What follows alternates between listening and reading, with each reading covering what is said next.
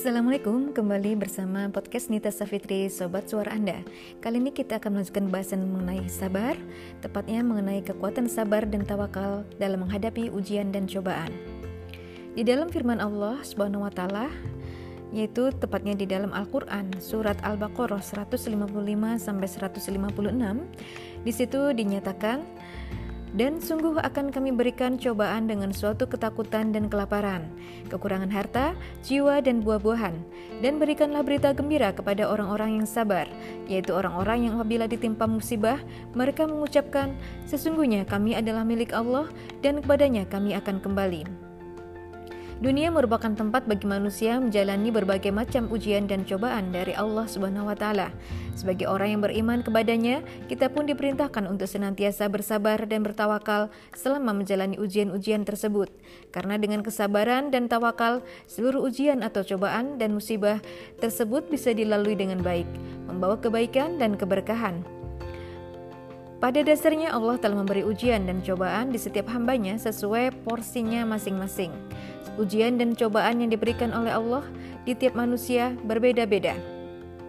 Manusia harus berani menghadapi kesulitan dan tetap tabah dalam menghadapi cobaan dalam mencapai tujuan yang ingin dicapai. Orang yang bersabar mencerminkan nilai keimanan yang kuat.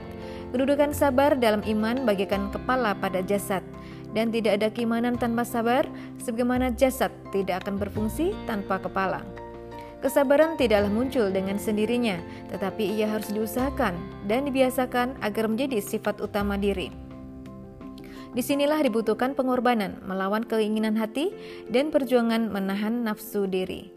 Sementara itu, tawakal merupakan pelengkap sejati sifat sabar.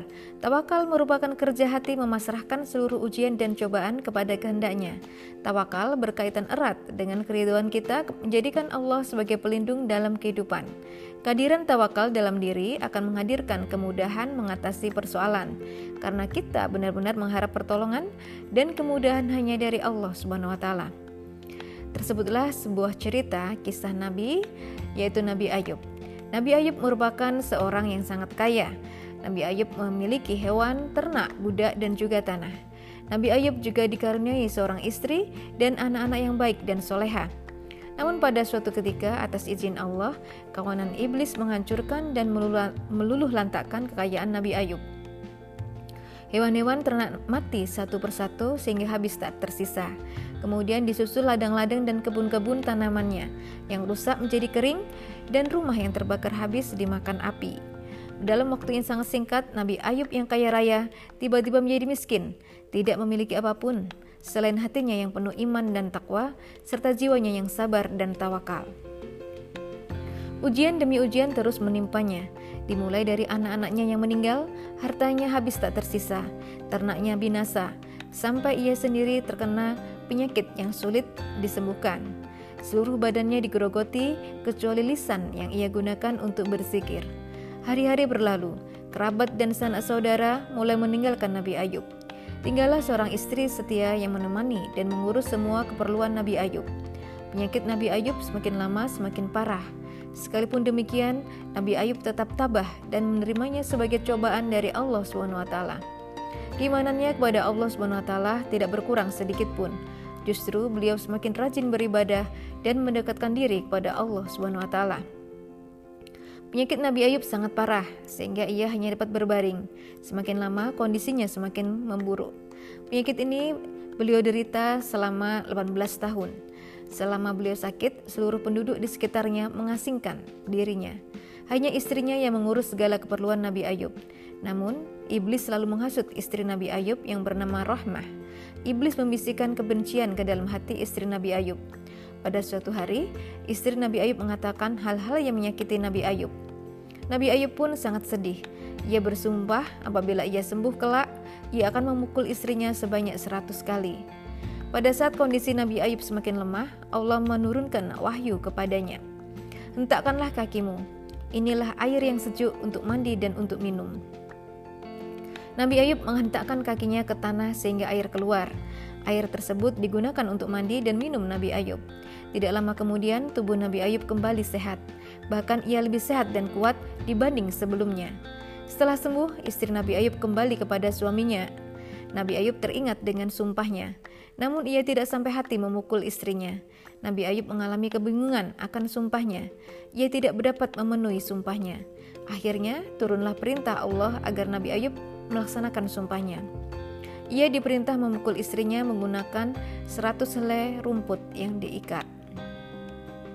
Kisah Nabi Ayub ini telah diceritakan dalam Al-Quran surat Sot ayat 41 44 yang artinya dan ingatlah akan hamba kami Ayub ketika ia menyeru Tuhannya Sesungguhnya aku diganggu setan dengan penderitaan dan bencana. Allah berfirman, Hentakkanlah kakimu, inilah air yang sejuk untuk mandi dan untuk minum.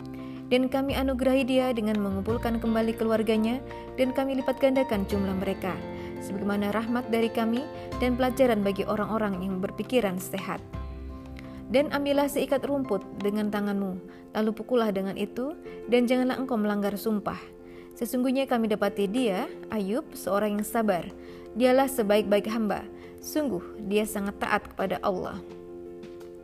Dari cerita Nabi Ayub tersebut tersadar ada tiga macam ujian yang dihadapi manusia di dunia ini, yaitu ujian kesulitan, kesenangan, dan kesalahan. Ujian kesulitan dapat muncul dalam bentuk kekurangan harta, kelaparan, penyakit, dan musibah-musibah lainnya. Sementara ujian kesenangan dapat berupa harta yang banyak, istri yang cantik, dan kedudukan sosial yang tinggi. Di antara ketiga ketujuan itu, ujian kesulitan adalah yang paling ringan. Karena ujian tersebut tidak hanya dialami oleh orang-orang beriman, tetapi juga orang kafir. Banyak manusia yang berhasil menjalani ujian kesulitan dengan baik meskipun mereka tidak beriman kepada Allah Subhanahu wa taala. Akan tetapi sedikit sekali orang beriman dan orang kafir yang mampu melewati ujian kesalahan. Hal tersebut disebabkan tidak adanya petunjuk yang mereka dapatkan dari Allah Subhanahu wa taala. Akibatnya, mereka terus mengulangi kesalahan dan dosa yang sama dari waktu ke waktu. Tidak sedikit manusia yang terlena oleh berbagai kesenangan dunia yang mereka rasakan, sehingga mereka pun lupa akan patuh kepada Allah Subhanahu wa taala. Dalam menghadapi berbagai ujian tersebut, ada beberapa sikap yang harus dilakukan seorang mukmin. Pertama, tetap merasa yakin atau optimis bahwa akan datang pertolongan Allah kepada kita. Kedua, segera mengucapkan inna lillahi wa inna ilaihi rajiun setiap kali mendapat musibah. Sikap selanjutnya adalah bertawakal kepada Allah. Tawakal menjadi salah satu syarat bagi seseorang untuk mendapatkan pertolongan Allah. Ada hal yang kita perhatikan saat bertawakal. Pertama, jangan, menyandar, jangan menyandarkan hati kepada selain Allah. Jika kita menyandarkan hati kepada selain Allah, saat menghadapi satu masalah atau musibah, pertolongan Allah akan semakin jauh dari kita. Kedua, dalam bertawakal jangan melakukan ikhtiar dengan mudarat yang lebih besar daripada manfaat seperti menyelesaikan segala urusan dengan cara-cara yang syar'i, bukan dengan cara yang haram.